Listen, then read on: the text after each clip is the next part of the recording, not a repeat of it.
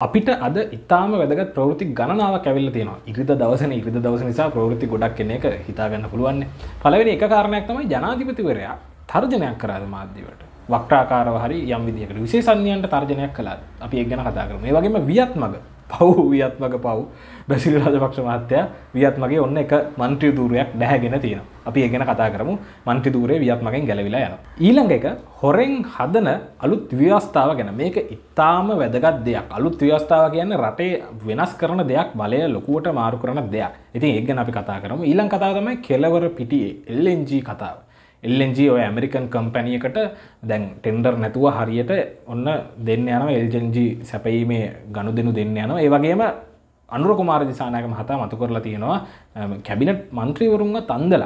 කැබිනට මන්ත්‍රීවරුන්ට හරියට කැබිනට පේපර කත්තාන්නේ නැතුව. එන කැබිනට පේපරක පෙන්න්න නැතුව අනුමැති අරන්තියෙනවා එල්ලෙන්ජ මේ බලාගාරය කෙලවර පිටිය අයිතිය දෙන්න රජය සතු කොටස් විකුණන්න තීන්දු කරලා තියෙනවා. ඊට අමතරව අජිත් නිවාට කබ්රාල් මහතා පෙන්ෂන් දෙකක් ගන්න බලාපොරොත්තු වෙන බවත් තියෙනවා කතාවක්. ඒ කියන්නේ ඔහුට ඔන්න පෙන්ෂන් දෙවනියෙකුත් හැදෙන අලුතෙන් හඳුන්වා දුන්න අලුතෙන් සම්මත කරගත්ත රෙගුලාසි අනුව ඔහු අයින් වුණාට පස්සේ මේ දෙවනි දුර කාලයට අදාළව තව පෙන්ෂන් එකක් හැදේ. ඊට අමතරව අනෙක් කතාව තමයි හිටපු නීතිපති ආරක්ෂක අමාත්‍යංශ ලේකම් කියනවා හිටපු නීතිපතිව එකන දප්පුලදලි වේරා මහතාව ගෙනල්ලා සීයිඩිගෙන් ප්‍රශ්න කරනවා කියල එක වක්‍ර තර්ජනයක් වගේ තමයි. ඒවගේම දැන් නීති දැන් ගාමිනී පෙරක් කියන නීතිඥවරයත් කියල තියෙන ප්‍රකාශයක් අනුව දැන් මේ නීතිපතිව හරිනම් ප්‍රශ්න කරන්න බෑ. නමුත් ඒක ඇතුළ රිංගල ගිහිල්ල මෙයාව ප්‍රශ්න කරන්න බලාපොරොත්වෙන බව තමයි පේන්න තියෙන. අනිත්තක තමයි සජිප්‍රියමදාස මහත්තයා ආණ්ඩුව ඉල්ලාස් වෙන්න කියලා කතාවක් කරන්න ප්‍රකාශයක් මේ ප්‍රකාශයේ වැදගත් කෑල්ලක් අපිට ලංකාවේ නීති විශාරදය අපට කෙටි පනිවිඩයක් මගින් එවල තිබුණ. එක ඉතාම වැදගත් ඇංගල්ල එක අපිටත් පහල වනේ මේ ගැන තේරුණේ ඒ ඔහුගේ කෙටි පනිවිඩෙන් පස්සේ. අපි ගැනත් කතා කරමු. පලවෙනි අපි ජනාධිපතුරය දුන්න රතුවෙලිය. ජනාධිපතර මෙහෙම කතාවක් කරනවා. සෞඛ්‍ය බලධාරී සෞඛ්‍ය අංශවල උග වෛද්‍යවරු කරන්න ඕනේ. තියෙන ප්‍රශ්නටික ගිල්ල ජනතාව ඉස්සර කියන එක නෙවෙයි. ජනතාවට ප්‍රශ්නති කියන එක නෙවෙලු කරන්න ඕනේ. ආණ්ඩුව කරන්න ඕනේ දේවල් ඒගොල්ලෝ ජනතාවට ගිහිල්ලා කියලා වැඩක් නැහැනේ එහෙම අදහස් තියෙනවා නම් මට ඇවිල්ලා කියන්න ඕනේ. මම ඕන වෙලාවක උපදෙස් අහන්න කැමති රජයට කියන්න ඕන ටික ගිහිල්ලා මේවා වෙන්න නෑ කියලා මිනිස්සුන්ට කියනකොට මිනිස්සු නිකම්ම බය වෙනවා. රට වහන්නයි කියනක උනත් මේ වගේ කමිටුවකට ඇවිල්ලා කියන්නේ නැතුව ජනතා විස්සරහට චැනල් එක්කින් ගිහිල්ල කියනකොට මිනිස්සු නිකම්ම කලබල වෙනවා. වැඩක් තියනොද මිනිස්සුන්ට පුළුවන්ද රටවහන්න රටවහන්න පුළුවන් රජයට විතරයි.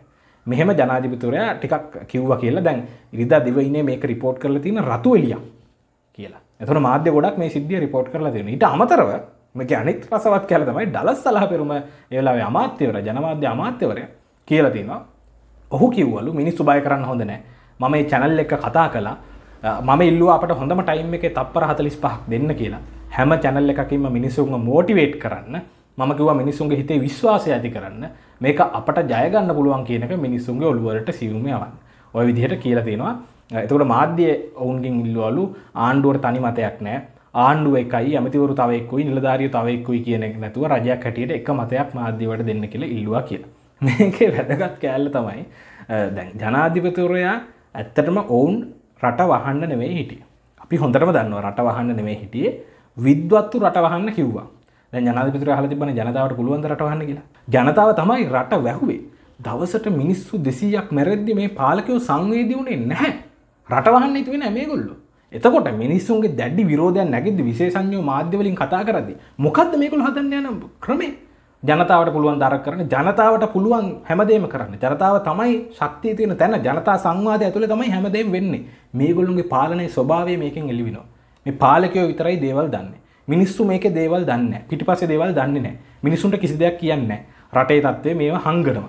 රටේ සැබෑ තත්ත්වය හංගනවා. හංගලා ඉවර වෙලා මීඩියා වලින් මොටිවේට් කරන්නයි අර මේවා කියලා බොරුවක් හරි මොකක් හරි රජයෙන් එක මතයක් දෙනවා කියලා එක බිල්ඩ් අප් කරන යමක් මීඩියා වලින් දෙනවා. ඊට පස්සේ මිනිස්සු දන්නේ නැතුව ඇඳිලා ඉන්නවා. එහෙම පාලනයක් තමයි මේගොල්ලෝ බලාපොරොත්තු වෙන්නේ. රටේ ඇත්ත තත්ත්වය ගැන පේන විශේෂඥයෝ හරි දැනුමක් තියෙන මිනිස්සු ඒවා මිනිසුන්ට කියනකොට බයයි. මොන කැත තිංකින් එකක්ද මේක? ඊට අමතරව දෙවනි කතාව තමයි දැන් ජනාධිපතිවරයාගේ වියත්මග සංවිධානයට තිබුණු මන්ත්‍රී අසුන. පාර්ලිමේන්තු මන්ත්‍රී අසුන ඔන්න දැන් දෙන්න යන්න ජයන්ත කැටකොට දෙනව කියලා කතාවත්වන මීට අමතර පොඩි විකල්ප මතයකොත් තියෙනවා. මවරට පත්තරයහම ගහල තිනවා මේ මන්ත්‍රී දුරේ විමල්ගී ගණගේ කියන කියලාට දෙනවා කියලා. ඔහුගේ පක්ෂේ අරන් තමයි ඔය පොහොට්ටු කියලා නම දාලා පොදුජන පෙරමුණ හැදුවේ. ඒකට ප්‍රතිඋපකාරයක් විදිහට ඔහුට දෙනවා කියලා තමයි කියන්නේ. නමුත් දැන් මෙහෙමයි කතාව. වියත්මගෙන් ජාතක ලයිස්තුවට චන්දට කලින් දාලා තිබුණ නම් දෙකයි. සීතාරම්භය පොල සහ අජිත් නිවත් කබ්රා මේ දෙන්නම පාර්ලිමෙන්තු ඇතුළට ගිය. ජාතක ලයිස්තුව තිබුණු තව නමක් තමයි කැටකොට මහත්තයාගේ නම්. ඒ අනු ඔහු ගියා පාර්ලිමෙන්තුවට. ගිහිල් අහු ඉල්ලාස් වුන දැන් ඔහු ජාතික ලයිස්තුව ඉන්න කෙනෙක් නෙමේ දැන් කැටකොට මහත්‍යව දානවා. ජාතික ලයිස්තුවේ නැති ටෙක්නිකලි මොකද ඕක නම කැපිල ඉවරයින. ඊට යටින් තියෙන තවනමක් එප එනගන්න හරියට විදිමත්ව කරනවන දැන් කැටකොටව දානක සලකා බලන්නවනම් ඇයි? වියත් මගේ වෙන කෙනෙක්ව දාන්න බැරි.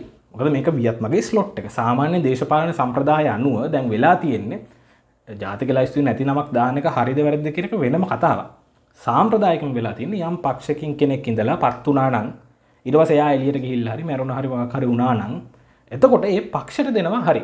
ජාතික ලයිස්ති ඔගොළඟ වෙනමක් නෑ ඔගොල වෙන කෙනෙක් එලියෙන් කියන්න. එයාව දානවා කිය මොකද මේක සන්ධාන දේශපාලනය සාමාන්‍ය දෙයක්. නමුත් දැම් වියත්මක කියල තිය එක තියනෝද කියලා තේරෙන්නේ නෑ වියත්මගේ ෆස්බුක් පිටුවන තින ඕක සැරිසර ආණ්ඩුවට පක්ෂපාතිව දේවල් දානවා. නමුත් හෙම වියත්මක කියලකන්න මේකෙන් අනිකාරණය තමයි බැසිල් රාජ පක්ෂ මහතා තමන්ගේ පාර්ලිමෙන්තුව ශක්තිය. බලය ටිකෙන්ටික හදාගෙන යනවා. දැන් එතුමා පාර්ලිමෙන්තුව පක්ෂනායක රැස්වීමට යන බවත් කියලා තියෙනවා. එම ලියුමකින් දැනු දුන්නලු. පක්ෂනායක රැස්වීම ඇතුළෙත් එතකොට බලය තහවුරුවන එතකොට පාර්ලිමේන්තුවේ කණ්ඩායම් රැස්වීමවල දැන් එතුමා මුලසුනේ ඉන්නවා. ඒත් එක්කම පාර්ලිමේන්තුවේ දැන් තමන්ගේ පොහොට්ටු පිළ ශක්තිමත් කරගන්නවා. ජනාධිපතිවරයාට ඉන්නව සුළුතර යම් ඉතුරු වෙලා ඉන්න පිරිසනුත් කෑලි කෑලි ගැලවිලා යන බව තමයි පේන්න තියෙන දැන්. මුලින්ම කිව්වේ දිස්ත්‍රික් විසිපහට එකට දෙන්න ගාන දානවා කියලා. තකට මේගොල්ල හැම දිස්ත්‍රික්කම එකට දෙකට මේගොල්ල වෙයි ඒ අනුවනකම් යුවත්මගේ හතලියක්වත් අඩු තරම ඒ කියරතම මුලින් කතාවනේ හැබැයි චන්ද ඇවිල්ල නාම යෝජන දුන්න හැදුවම සිරිරාද පක්ෂ නාම යෝජනාදන පොට්ටු අයිති සිරිරාද පක්ෂට. අන්තිමට නිකක් පාලවක් විතර තමයි නාම යෝජන ලැබුණේ. දිස්ත්‍රික්කට දෙන්න ගන්න ලැබුණෙත් නෑ වියත්මකට අන්තිවට ආවෙත් නෑ. මුලින්කව කොහොමද? වියත්මක කියල සෙට් එකක්න්න ඒගොල්ල තමයි ආණ්ඩු කරන්න. ඔය ඇමදිකම් දෙන්න ඔය සෞත්තු දේශපාලනඥොන්ට ඒමයි කිව්වේ. මරු සෙට්ටකක් බස්සනවා වැඩ කරන්න කියලා. සෙට් එකත් නෑ. අන්තිම නාවයෝජනත ඉතිරි අට දෙනාගෙනුත් කෑලි කෑලි හලනවා. ඒ තැන්වලට පුරෝගන්න බෑ තමන්ගේ කට්ටියකින් ඔන්න වියත්මකට වෙච්ච දේ. රටහදන මැජික්කාරයොන්ට වෙච්ච දේ. ඊළං කාරණය ටිකක් කේද දෙනක කතාව දැන් පහුගේ සතියේ සඳුදා කැබිනට මණ්ඩලය රැස්සුන්න වෙලාවේ කැබිනට්කට කලින් ඉදිරිපත් නොකරපු කැබිනට් පත්‍රිකාවක් දැම්මත්. මේ ගැන කතා කරන්නේ අනුර කුමාර දිසානායක මහතා. දොළොස්වනිදා මාධ්‍යසාකච්ඡාවක්වීමෙන් තමයි මේ කතාව කිව්වේ. මේ එල්දරව්ව කළේ. කැබිනට් එක සූමගෙන් රැස්සුන වෙද්දි කලින් නොතිබුණු කැබිනට පට්ටිකාවක් ගැන කිව්වලු. කටින් තමයි මේක කියලතින් කැබිනට පට්ටිකාව පෙන්නලාවත් නෑ පෙන්න්න නැතුව ඒ කැබිනට පට්ටිකාවට අනුමතිය ගත්තලු බැසිල් රාජපක්ෂ මහත. මොකක්ද මේ කියන විදිහට කෙලවර පිටිය?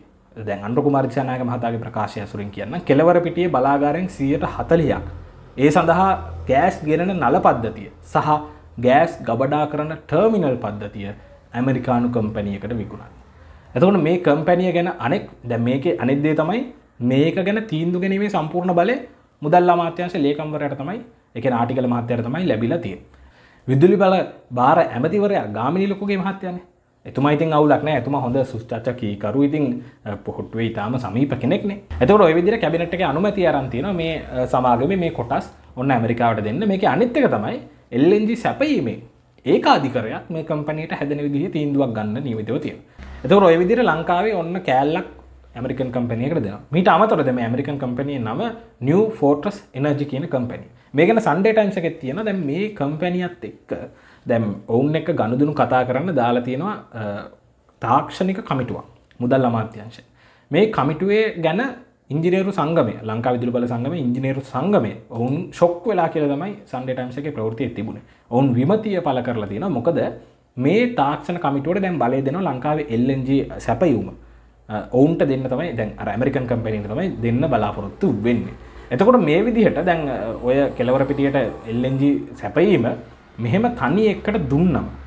මේ ක්‍රමවේදයෙන් දෙනකොට මේක සම්පූර්ණයෙන් ටෙන්ඩර් කමේට පිටිං හිල්ලා ස්වේච්චා යෝජනාවක් විදිට සමාගමකින් ආණ්ඩුවකට දෙන එකක් විදිර තමයි එන්නේ. මේ ක්‍රමවේදයම භයානකයි. සාමාන්‍යයෙන් සාමාන්‍යයෙන් මේ වගේ අවස්ථාවල ආණ්ඩුවක දේවල් දෙන්න ටෙන්ඩර් ක්‍රමවේදයකින් එලිය ඉන්න සමාගම් ගොඩක් සමාගම එක පාර්ශව තම තමන්ගේ මිල ගණන් ඉදිරිපත් කරන මේ ටෙන්ඩරක් ගන්නනම් ඔවුන් වඩාත්ම ආණ්ඩුවට වාසිදායක රට වාසිදායක විදි යෝජනාව දෙන්න ඕන. ගොඩක් තරඟ කාලී මිල ගණන් වලදී. එතකොට ආණ්ඩුව කරනකද මේ නායාතරින් වඩා සුදුසු රටට හොඳ යෝජනාව තමයි ගන්න. හැබැයි මේ වගේ කම්පැනියක් යෝජනා විදිරිපත් කරදිමකක්ද ඒගොලු තම යෝජනාද තරඟකාරිත්‍යයක් නෑ වෙන සමාගම් එන්නෙත් නෑ ආණ්ඩුව කරන්න මොකක්ද මේ තනි මිනිහෙට දෙනවා. සාමාන්‍ය මේවා ගැන කියද්දි කියන්නේ මේක කොමිස් නිසා තමයි වෙන්න කියලා. මොකද ආණ්ඩුව තිරයෙන් පිට පස්සේ සාකච්ඡා කර සාකච්ඡා කරලා ආණ්ඩුවේ කවුරුහරි මේ අදාළ තීන්දුව ගන්න අයට කොමිස් එකක් දෙනවා. කොමිස් එක දුන්නට පස්සේ කම්පැනි එනවා. ඔන්න ඒගොල්ලෝ යෝජනාවක් දානවා. ප්‍රපෝසල් එක. ඒ ප්‍රපෝසල් එක ආණ්ඩුව බාරගෙන දැන් ඔය ක්‍රමයට තමයි මේක වෙන්නේ. දැන් විදුලි බල සංගම් මේ ගැන කියද්දි ඔවුන් කියනවා මේකට අදාළ පරාමිති නිතාම සංවේදී. දැන් බිලියන ගණන් සල්ලි මේවට යන්න ඉඩ තියෙනවා. ඒ නිසා ඊටාම භයානක බව මේ ඒකාධිකරයක් හැදේ. එක කම්පැනි එක ඒකාධිකරයක් හැදේ. ඒක ලංකාවට ඊටාම භයානක වෙයි. වැඩි මිල ගණන් ගෙවන්න වෙයි. මේක නරක තත්ත්වයක් බව ඔවුන් පෙන්වලා තියෙනවා. මේක නම් අපේ බ්ලොග් එකේ ෆුල් කතාව තියෙන නිසා අපි මෙතනින් එහාට කතා කරන්නේ නැහැ.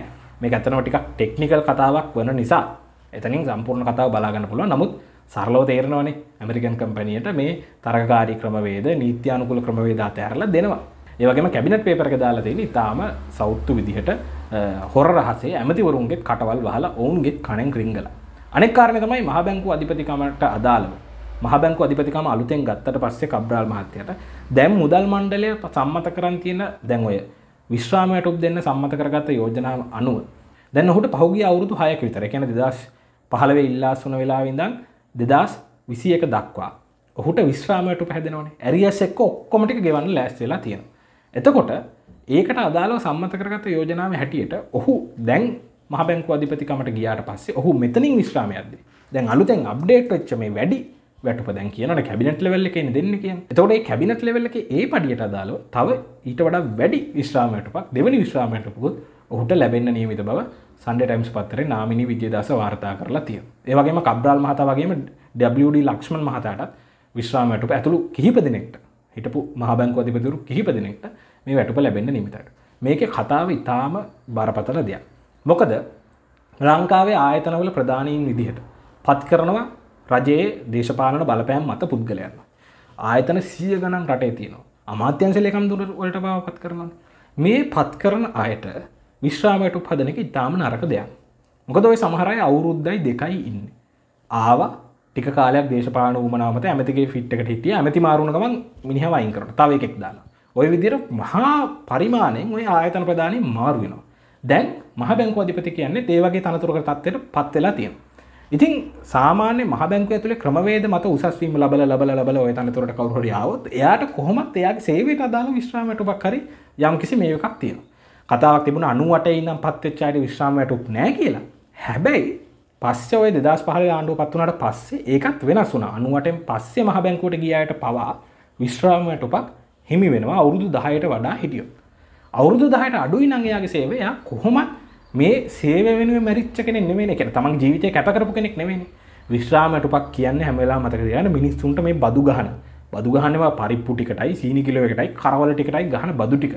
දැ ලංකා වැඩපුර තියන්න එහෙම බදුන. වක්‍ර බදුනේ.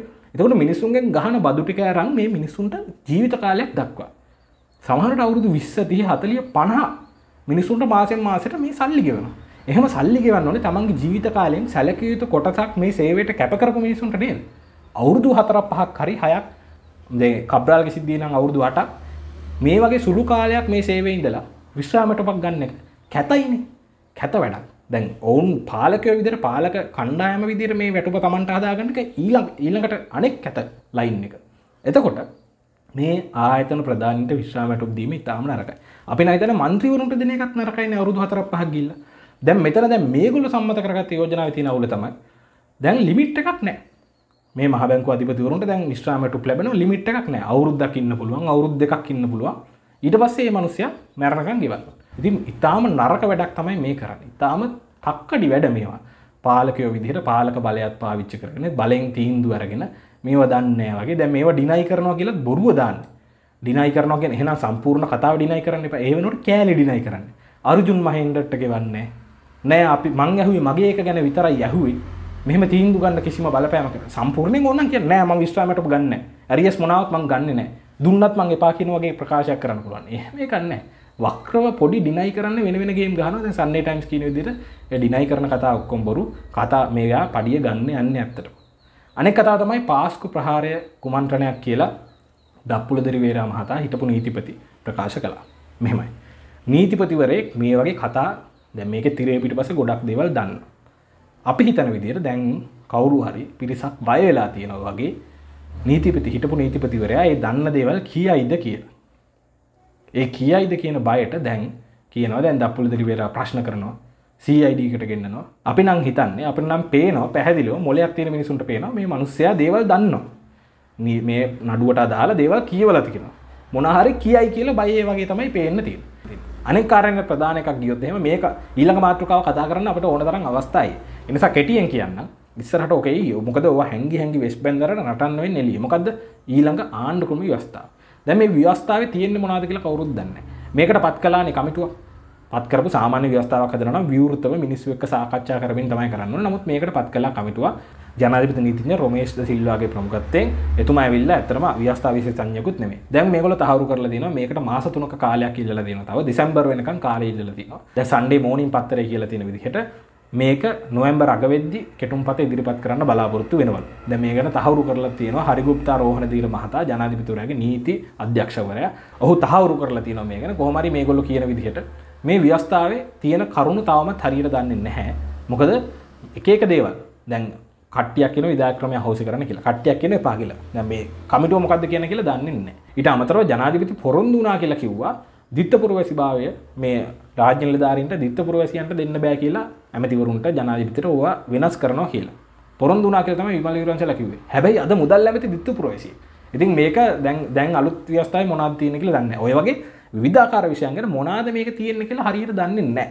මේ ප්‍රවෘත්තිය ෆුල් එක බ්ලොග්ගෙන් කියවන පුළ ඒවගේ අපි කලින් කිව්වගේ මේ ව්‍යවස්ථාව කරුණු අපි දැන් දන්න නැති නිසා අපි ඔතනින් එහාට කතා කරන්න කොහොමත් ඕක එළියට එනවනේ ආවම අපිට ගොඩාක් ඕක ගැන කතා කරන්න තියෙන්නේ අන්තිම කාරණය තමයි සජිත් ප්‍රේමදාස මහතාගේ ප්‍රකාශය. සජිත් ප්‍රේමදාස මහතා කියලා තිබුණ ආණ්ඩුව ඡන්දයකට එන්න ඕනේ කියලා. ආණ්ඩුව ඡන්දයක් තියන්න ඕනේ කියලා. අපිත් ඒ වෙලාවේ කතාව කියද්දි අපි කිව්වා මේ වගේ ප්‍රකාශයක් ඉතාම තීරණාත්මකයි. විපක්ෂ නායකවරයා කරද්දි. මේක ගම්මට්ටමේ බිම්මට්ටමේ කතාවක් නෙවෙයි ඉස්සර නම් ඔය එතුම ගිහිල්ල කොයරි ගමක් ගිහිල්ල මයිකයක් තියාගෙන මොනහරි කියනවා සිරසෙන් රෑට ගහනවා. ඉතින් එතුමා මන්ත්‍රී කාලේ. මොකද එදා විපක්ෂ නායක වගකීම දරුවේ රනිල් වික්‍රමසිංහ මහතා. අද එහෙම නැහැ එතුමා වගකීම් දරනවා ප්‍රකාශයක් කරාම ඒකට බරක් තියෙනවා දැන් මේ ප්‍රකාශය මේ වගේ ප්‍රකාශයක් කරනවා නම් ඊටාම තීරණාත්මකව විශේෂ ප්‍රකාශයක් විදිහට ඒක එලි දක්වන්න ඕනේ. එහෙම එකක් වුණේ නැහැ පුටුවකට බර වෙලා මේක කිව්වා. අපි මේ අපි මේ YouTube කාරයෝ පිස්සු YouTube කාරයෝ කතා කරනවා වගේ කිව්වා. කිව්වට පස්සේ දැන් හරි ප්‍රකාශයක්. මේ ප්‍රකාශය මොකක්ද එතුමා අදහස් කරා ජනාධිපතිවරණයක් තියන්න වත්මන් ජනාධිපතිවරට කවුරු බලයක් නැහැ ජනාධිපතිවරණය තව කල් තියෙනවා එතකොට ඒක කලින් තියාගන්න විදිහක් නැහැ එහෙනම් මේ අදහස් කරන පාර්ලිමේන්තු ඡන්දයක් වෙන්න ඕනේ. තුනෙන් දෙකක අනුමැතියෙන් පාර්ලිමේන්තු ඡන්දයකට යන්න පුළුවන්. හැබැයි පාර්ලිමේන්තු ඡන්දය මේගොල්ලෝ දින්නොත් මොකද වෙන්නේ? සජිත් ප්‍රේමදාස මහතා දින්න කියලා මේ මේ තරම් බලයක් තියෙනවා. 20 වෙනි සංශෝධනයෙන් පස්සේ මහා බලයක් ජනාධිපතියට තියෙනවා. එහෙම තියෙද්දි අගමැති වෙන්නද බලාපොරොත්තු වෙන්නේ? සජි ප්‍රේමදාස මහතා අගමැති වෙන්නද බලාපොරොත්තු වෙන්නේ? ගෝඨාභය රාජපක්ෂ මහතා යටතේ. මොකක්ද ඇත්තටම මේකේ අරමුණ? ඡන්දයක් තියන්න කියන ප්‍රකාශයේ අරමුණ මොකක්ද? එතුමා යෝජනා කරන වැඩපිළිවෙල මොකක්ද? නිකන් කටට එන විදිහට ප්‍රකාශ කරලා වැඩක් නැහැ. පේන විදිහට මේක කටට එන විදිහට කරපු ප්‍රකාශය අපි කලින් කිව්ව නීති විශාරදය අපිට කෙටි පණිවිඩයක් මගින් මතක් කරපු කතාව තමයි ඒක. ඇත්ත. නිකන් ඔහේ විපක්ෂ නායක ප්‍රකාශ කරලා වැඩක් නැහැ. මොකක්ද හරියට ආණ්ඩුවට යෝජනා කරන්නේ?